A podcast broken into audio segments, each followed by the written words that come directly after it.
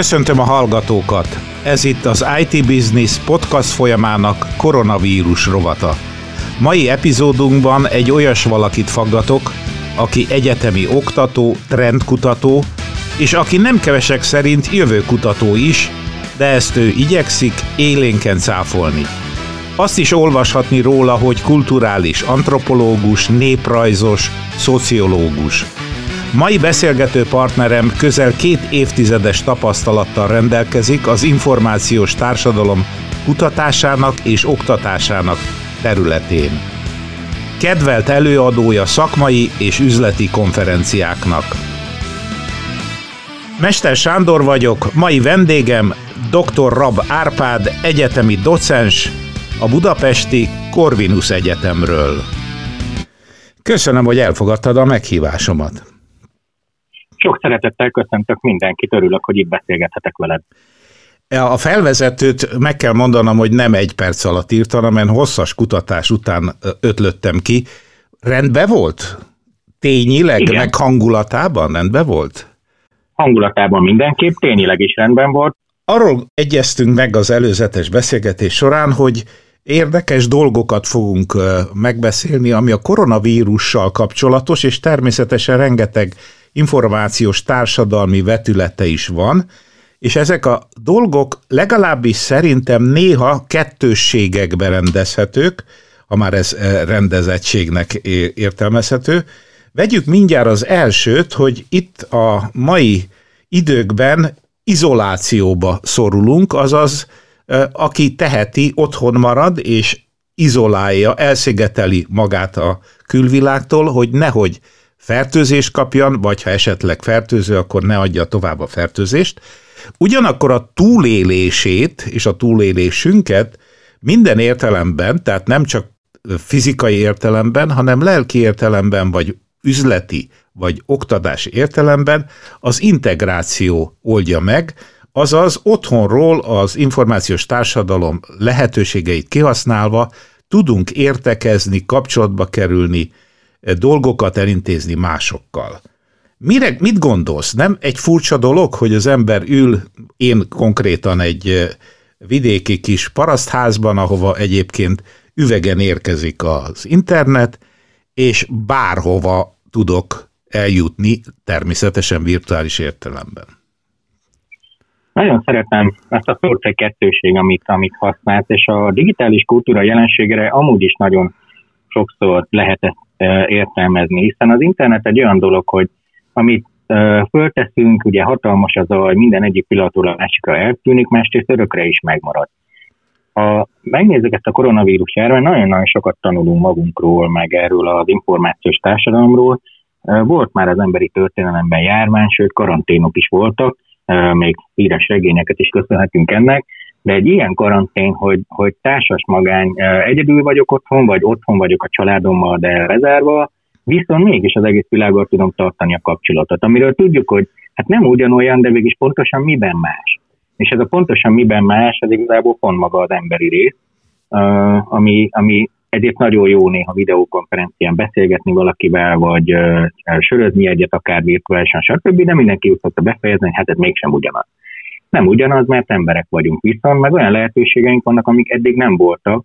És a technológia nagyon sokat segít nekünk ennek a helyzetnek az átvészelésében, és arról is nagyon sokat tanulhat most mindenki, hogy igazából milyen nagyon nagy szükségünk van a közösségre, a visszajelzésekre, a munkatársakra, a barátokra, nem csak tényekre, és nem csak ilyen kis figurákra a képernyőn. Önellátás, nemzetközi munkamegosztás, egy kicsit föl, följebb emelem a tétet, ha úgy tetszik, most akár országokat is vehetünk szemügyre. Minden ország, aki próbálja a vírus terjedését megakadályozni, lezárja a határait, megpróbál önellátóan működni, minél több dolgot előállítani, de ugye kiderül a, a dolog végén vagy közben, hogy nem lehet mindent otthon az saját országunkban előállítani, és rászorulunk a nemzetközi munka megosztásra. Ez is egy olyan kettősség, ami most kézzel foghatóan megjelenik. Önellátásra igyekszünk ö, törekedni, de ugyanakkor nem tudunk nemzetközi munkamegosztás nélkül élni. Nem fogunk tudni. Tehát az 1880-as évektől indult el az egész világban igazából a fogyasztói társadalomnak az a lendülete, ami elhozta a gazdagságot számunkra. Addig azért az emberiség javarésze rövid életű, beteg, csúnya, tudatlan volt, és nem azért, mert a saját képességei miatt, hanem mert egyszerűen olyan körülmények voltak. Akkor elindultak a fogyasztói termékek, a mosogatógéptől ezzel a telefonát, nagyon sok minden, és hirtelen nagyon meggazdagodtunk, ennek következően nagyon sokan lettünk, és össze is zsugorodott a föld. Ma már nem tudunk egymás nélkül létezni, az az igazság, és ennek sok pozitív következménye van, és néhány negatív is. Sok pozitív, említhetem például, hogy a háborúk visszaszorultak, és így tovább, de az, hogy egy ország ellássa önmagát, ez ma már nem működik. És látjuk azt is, hogy ez a vírus elkezdődött, ezért történt egy hatalmas bezárkózás. Azok a rendszerek, amik eddig működtek az országok között, akár az, hogy én Európán belül gyakorlatilag assítás nélkül végigurulhattam, és azt se tudtam, hogy épp melyik országban vagyok, ez most már nincsen, abban a pillanatban mindenki jó, nem exportálok egészségügyi terméket, vigyázok magamra, lezárom a határokat, mindenki más van, ahogy van, én jól akarok lenni. De ez nemzetközi gazdasági szinten nem működik, és most látjuk is, hogy ezért a nemzeti gazdaságok is röpülnek a csőd felé, de a világgazdaság is, gondoljunk akár csak az olajárára, és az, hogy igazából ez mit szimbolizál. Tehát az, hogy, hogy egy, egy emberi szerve, vagy hogy egy biológiai testként képzelhetjük el a világgazdaságot, és azt, hogy elzárom az ütő erejét, akkor egyszerűen nem. Tehát egyik piac nélkül nem működik, a másik szolgáltatás nélkül, a harmadik meg bizonyos termékek nélkül nem működik. Ha belegondolunk, az egész közösségi média, amit használunk, és ami rengeteg örömet okoz most embereknek a korona alatt is, azok mind igazából amerikai szolgáltatások, tehát mi Európában ilyeneket használunk. Ezeket ingyen használjuk, mert mi vagyunk a termék. De amúgy meg segít az életminőségünkön. Ha most a amerikai cégek, a Facebook, Google útvonat tervező, képmegosztó szolgáltatás, ingyenes könyvolvasás, videó megosztó portás, stb. mind bezárna, akkor mi eléggé unalmas internet előtt ülnénk. És idegesek lennénk, szerintem. Nagyon valószínűleg megjelen néhány helyi szolgáltatás, de hát messze nem olyan tartalommal, és messze nem olyan ö, ö, vonzerővel. Most ebben ne is menjünk el, hogy a globalizációnak milyen hatásai vannak, de ez ma már nem működik működhetne kisebb léptékben, tehát amúgy az, hogy, hogy a globalizációs ö, dolgok, amik most inkább kulturálisan jelennek meg gazdaságilag is működjenek, ilyen irányultságban, de az az igazság, hogy nem lehet most már ö, világgazdaság nélkül működni, mert, mert már száz éve így működünk, és igazából az a gazdagság, amit elértünk, az csak így működik. Sokkal szegényebb világ tud működni lokálisan csak, és azt igazából nem akarjuk. Kedvenc területed, ahogy én nézem, az egészségügy, pontosabban azokat a trendeket felfedezni, ami az egészségügy jövőjét megfogják, vagy meghatározzák. Arra gondoltam, hogy egy kicsit bővebben beszéljünk erről a területről, hiszen itt is van egy rendkívül érdekes kettőség. Az egyik előadásodban arról beszéltél, hogy az egészségügy jövőjét a mesterséges intelligencia fogja nagyon erősen meghatározni, és én elgondolkodtam ezen, hogy most a koronavírus járvány során mi az a legfontosabb eszköz, amelyikért most már az országok sorban állnak, és ahogy egyes politikusok mondják, közelharcot is vívnak, ez a lélegeztetőgép. A lélegeztetőgép az egyébként nyilván nem egy egyszerű szerkezet, van benne okosság, meg bonyolultság, de hogyha mellé teszem a mesterséges intelligenciát, akkor azt mondom, hogy hát persze, a lélegeztető gép az egy egyszerű eszköz, amit akkor kell bevetni, amikor a beteg nem tud saját erejéből oxigénhez jutni. Ez is egy kettőség, és mit gondolsz, hogy a mesterséges intelligencia vajon ebben a kontextusban, a koronavírus esetében hogyan tudna segíteni? Egyelőre nem látom jelét, hogy segítene. Nagyon jó az észrevétele, és ez amúgy is egy kettőség, ilyen UNESCO nemzetközi expertként is dolgoztam nagyon sokáig, és ott a fejlődő országban többször tették fel a kérdést, hogy jól van át, tegyük fel, hogy hallgatunk rád, Szerinted mit csináljunk? Költsünk WC-kre, vagy úttervezésre, új útvonalakra, vagy vezessük be az internetet az iskolákban? Egységnyi pénzünk van, melyiket választod? És akkor ugye ilyenkor megakad az ember, hogy hát azért pompás lenne, ha lennének vécék is. És tehát van egy, egy, egy ilyen egymásra épülő szolgáltatási jelleg, és, és igen, tehát a lélegeztető gépek nélkül most nem tudnánk élni, vagyis hát a betegek.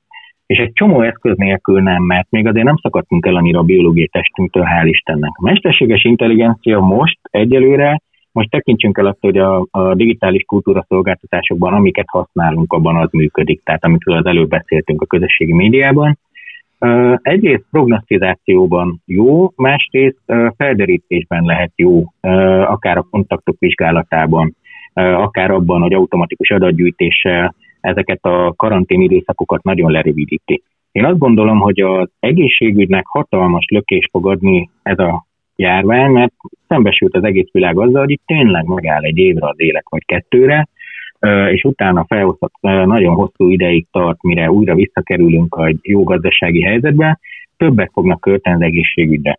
Ez rengeteg morális kérdést is felvet egyébként. Most mondok csak példákat.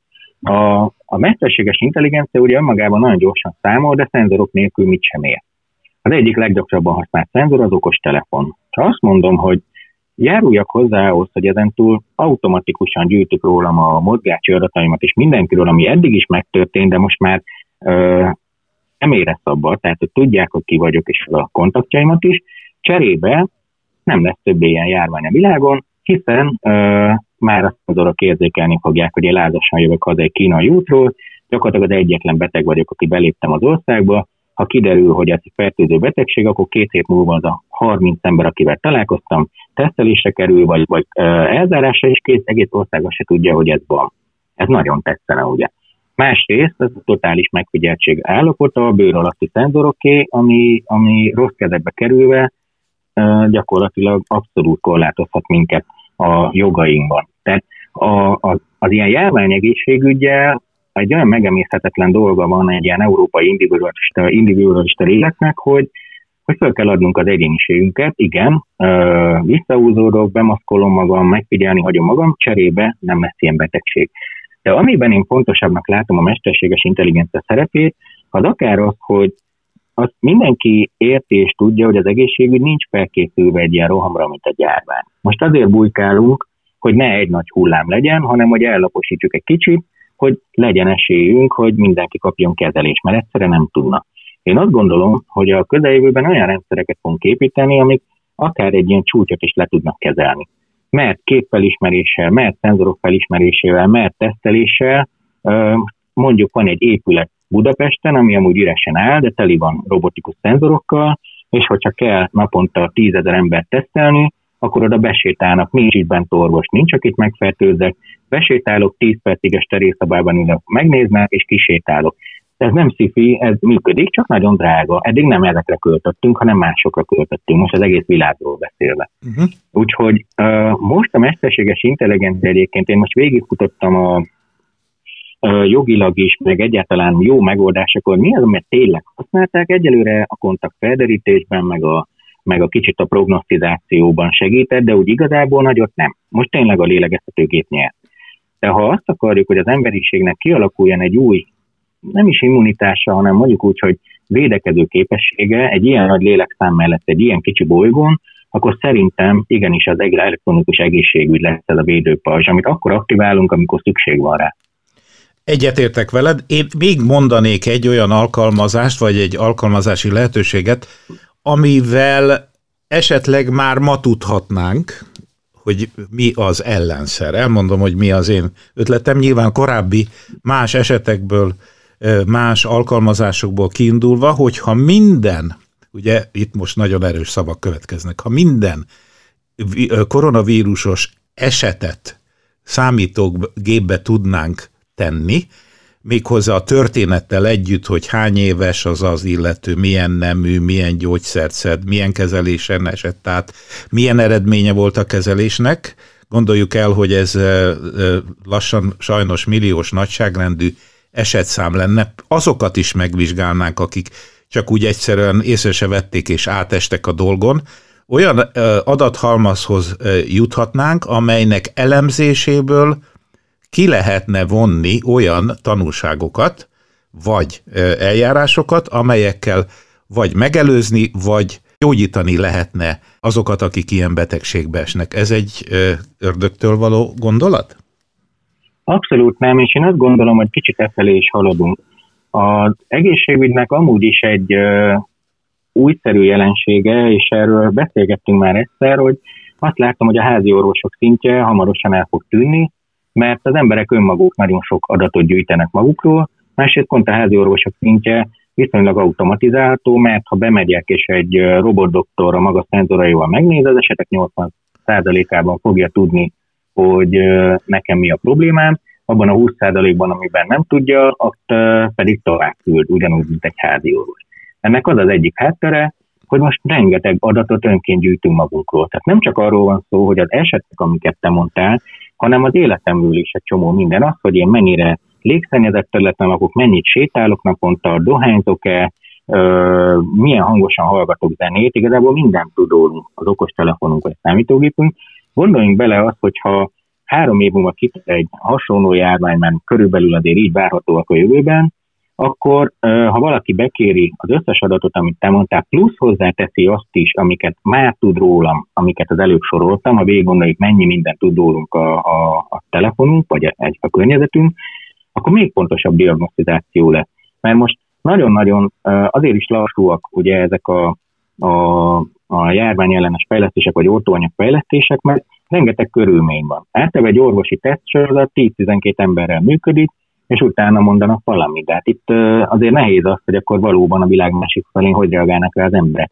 Van, ahol már kulturális hagyományok miatt kicsit más az egészségügy. Van olyan ország, ahol más oltóanyagokat kaptak gyerekkorba, és így tovább. Ezeket mi magunk gyűjtjük magunkról. Hát amit mondtál nagyon igaz, plusz kiegészítve azokkal az adatokkal, amiket mi magunk gyűjtünk, az az, az, az másfél éves fejlesztési időket drasztikusan lecsökkenthetjük. És ez szerintem valóban uh, egyik út lehet, hogyha ezeket az adatokat megosztjuk. Ez nyilván nem olyan egyszerű, mert ezek nem kompatibilisek egymással, uh, hatalmas privacy problémákat jelentenek amúgy gyűjteni, viszont lehet, hogy ez a sok, amit most átélünk, ez a másfél éves folyamat, ami ez a vírus, arra fog minket megtenni, hát rendben van, de ezt az árat megfizetem, mert, mert nem akarom, hogy még egyszer ez ilyen hosszú legyen. Annyira hiszünk a mesterséges intelligenciában, különösen a szakmabeliek, az informatikusok, az informatikai ipar, hogyha elmész egy szakmai konferenciára, akkor tuti, hogy a, a pláne az üzleti prezentációkban elmondják a problémát, utána elmondják, hogy milyen megoldás, és a végén azt mondják, és benne van a mesterséges intelligencia. Azt is, azt, ugye, és azt is mondhatnám, hogy a mesterséges intelligencia velünk, ki ellenünk tehetjük föl a kérdést. És most egy újabb kettőséget teszek az asztalra, ez a koronavírus, vagy vírus, most egyszerűen nevezük így, és a mesterséges intelligencia. A vírusról én, mint mérnök nem sokat tudok, rengeteget olvastam, de annyit, annyi kiderült számomra, hogy ugye nem növény, meg nem állat, hanem valami ágens, vagy agent angolul, és, és hát intelligenciával azt gondoljuk, hogy kevéssé rendelkezik, és szemben vele tettem le az asztalra, mint kettőséget, a mesterséges intelligenciát, amiben mi rendkívüli módon hiszünk. Természet amúgy nagyon csodálatos dolog, Uh, nyilván pont a vírus részeit nem szeretjük, mert egyes bogarakat és így tovább, de hogyha most össze akarjuk vetni, vagy akár analógiát tehetünk, nem véletlenül a számítógépeken is ugye jó néhány szoftvert vírusnak hívunk. A vírus most kicsit antropomorfizálok, mert nyilván nincs, nincs öntudata, de egy hihetetlen hatékony, céltudatos szoftver, vagy uh, ágens, vagy, vagy szervezet, vagy élőlény, uh, egyik sem ezek közül egyébként, a lényeg az, hogy egy rendkívül céltudatos, olyan, mint a róka, amikor megy a prédája után, tudja, mit akar előre megy, terjed, hihetetlen jól bír körülményeket, tud alkalmazkodni, és neki egyetlen egy célja van, hogy minél több szélesebb körben elterjedjen, mert neki ez a túlélése. Tehát ő ugye teljesen mindegy neki, hogy milyen gazdatestet talál. Maga a kódja az, hogy ő terjedjen. A hálózatkutatás egyébként alapvetően nem is társadalmi kutatóktól indult el, hanem természettudományi és hasonlóktól, az agykutatás vagy a vírus kutatók teréről, mert nagyon jól figyelt, hogy mikor, honnan terjed. A mesterséges intelligencia pont az ellenkezője olyan értelemben, hogy egy bármire használható, de intelligensen ostoba jószág. Ha nem kérdezek tőle jót, ő nem adja meg a választ. Ha nem kérdezek, nem mond választ. Amit megmondok neki, hogy figyelj rá, akkor megnézi, hogy egy és nulla van-e. De ő egy, egy hihetetlen kapacitás, amit, egy, egy kút, amiben bele kell markolnom, és tudnom kell, mit akarok kivenni belőle. Ezért, ezért fogunk majd marha jól együtt dolgozni a mesterséges intelligenciával.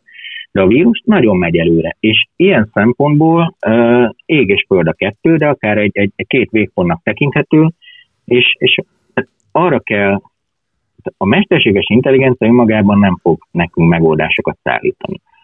Fel tud gyorsítani gondolkodásokat. Most még ugye nincs mesterséges intelligencia, most jöttem is, hogy mesélted, igen, most egy buzzword, vagy mindig vannak buzzwordok, amiket ö, szeretnek a szakmák, ugye egy időben ez a kézműves volt, ilyen, hogy már minden kézműves, és akkor már nem másképp nem is tudod eladni, és akkor ez a mesterséges inteket már mindenben van, megveszem a telefonomat, és akkor hát mesterséges inteket javítja a képeimet. Most még azért nincsen, nagyon gyors adatbázis műveletek vannak, amik nagyon látványosak és nagyon sokat segítenek, de ha nem kérdezek jót, vagy nincs benne jó adat, akkor vagy nem ad választ, vagy rossz választ ad. A vírus számára egyetlen egy válasz van, az, hogy sikerül terjedek, és tényleg most antropomorfizálok, tehát, hogy, de hogy, hogy ő ebben nagyon hatékony. Fogalm nincs meg döntései, nem tudja, hogy rabárpádot vagy nem rabárpádot fertőzi meg, csak megy. És ezért vagyunk tehetetlenek olyan értem, hogy nagyon hatékony. De számítógépes vírusok is ilyenek, nem törődik azzal, hogy amúgy ö, azon a számítógépen festmények vannak, vagy üzleti adatok, vagy bármit, hanem ő egy dolgot tud, pengeélesen bemegy, kivéve, ha rá célzott falat állítanak föl. És most ugye ezen dolgozunk, hogy egy rácélzott falat állítsunk föl, ami ellenő védekezik, ugye, mert hogy már most van 58 mutációja a koronavírusnak, tehát ö, most ott tartunk, hogy kb. 58 féle oltást kellene ö, fejleszteni. Ő ebben jó. Semmi másban nem jó, de ebben jó. A mesterséges intelligencia mindenre jó, ha jól kérdezel tőle. Végül, de nem utolsó sorban szeretnék arról beszélgetni veled, hogy mi jön most. Több podcastban próbáltam azt a nyelvi fordulatot használni, hogy és mi lesz akkor majd, amikor az élet visszatér a normális kerékvágásba, de soha nem tudtam kimondani, most is gyakoroltam, hogy kimondjam, mert végig gondoltam, és arra jutottam, ha vége lesz ennek a járványnak, akkor az a normális kerékvágás, amit úgy értünk, hogy az e- járvány kezdete előtti állapotok és folyamatok, ahhoz képest teljesen más lesz az, ami majd jönni fog. Vajon a két normális kerékvágás, a járvány előtti és a járvány utáni hogyan fog különbözni egymástól? Nagyon nehéz kérdés, mert én, én, én ugye trendeket kutatok 20 éve, és egy percet sem mondtam meg. Az egyik legnehezebb dolog ebben az, hogy ne jelenségeket higgyünk trendeknek, tudjuk megkülönböztetni azt, amikor hirtelen berobban valami, és ú, úgy tűnik, hogy ez most trend, ez most fontos, most megváltozott a világ, de lehet, hogy csak egy jelenség, tehát egy-két-három hónapig tart, és utána fölülírja valami más. És ezt kibogozni nagyon nehéz, egyben nagyon szeretem, és igazából nyilván akkor csinálja jól az ember a munkáját, hogyha valóban trendeket érzékel. Most, most, most minket ez lepel, de egyrészt mi a világnak egy része vagyunk, mondjuk úgy, hogy nyugati típusú demokráciák egy bizonyos infokommunikációs eszköztárral. Vannak olyan országok, akik hasonló eszköztárral rendelkeznek, de máshogy állnak kulturálisan hozzá, Kína, Oroszország. Vannak olyan országok, ahol nincsenek is ilyen eszközeik, illetve máshogy állnak ehhez hozzá. Például a mi típusú demokráciáinkban azt kimondani, hogy gyerekek el fogunk veszíteni 200 ezer embert ebben a betegségben, ezt nem teheti meg egyetlen egy, nem tehetjük meg, mert az egész berendezkedésünk arra épül föl, hogy ezt nem engedjük meg magunknak. De azért van néhány ország most a világban, akiket úgy elengedték egy picit, azt mondták, hogy hát igen, van ez a betegség, nagyon szomorú, de amúgy van még egy csomó más betegségünk, éhezés, stb. És ott ugye tombol a járvány, viszont végig is futott az egész lakosságon, nagyon sokan meghaltak, és az, tehát ő nekik, ő nekik mondjuk nem fog változni semmi olyan értelemben, hogy együtt történt egy nagyon borzalmas csapás, de az infrastruktúra és a gazdasági modellek nem íródtak le.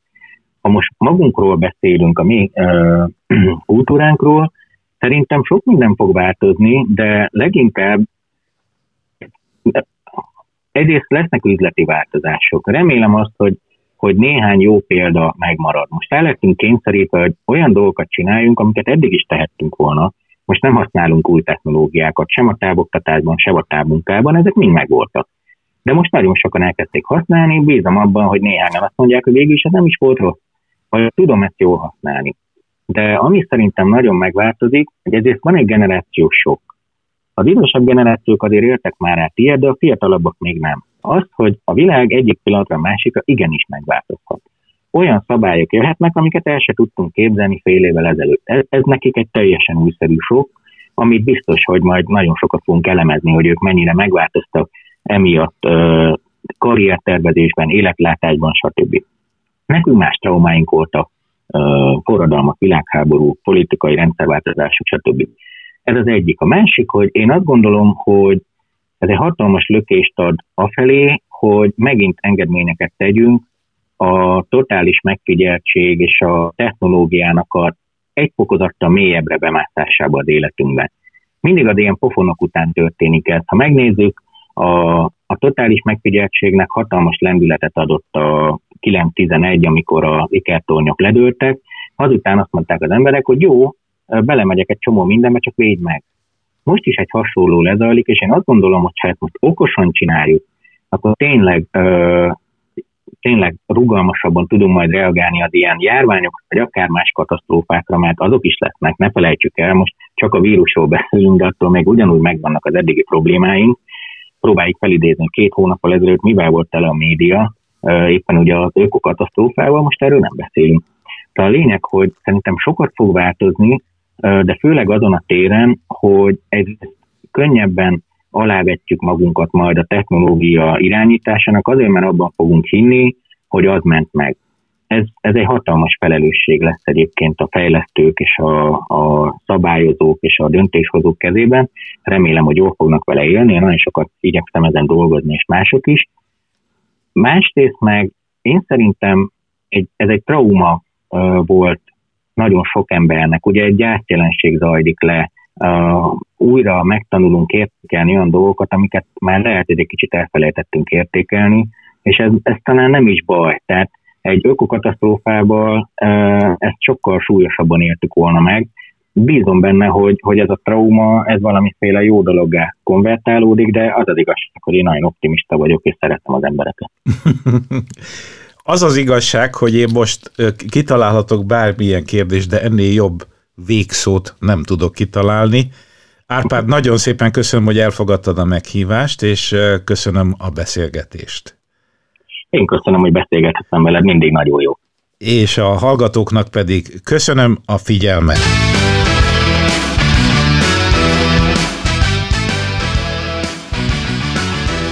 Vannak, akik ezekben az időkben nem maradnak otthon, mert nem maradhatnak otthon. Rájuk a küzdelem frontvonalában van nagy szükség. Tiszteletünk jeléül nekik ajánljuk a podcastot.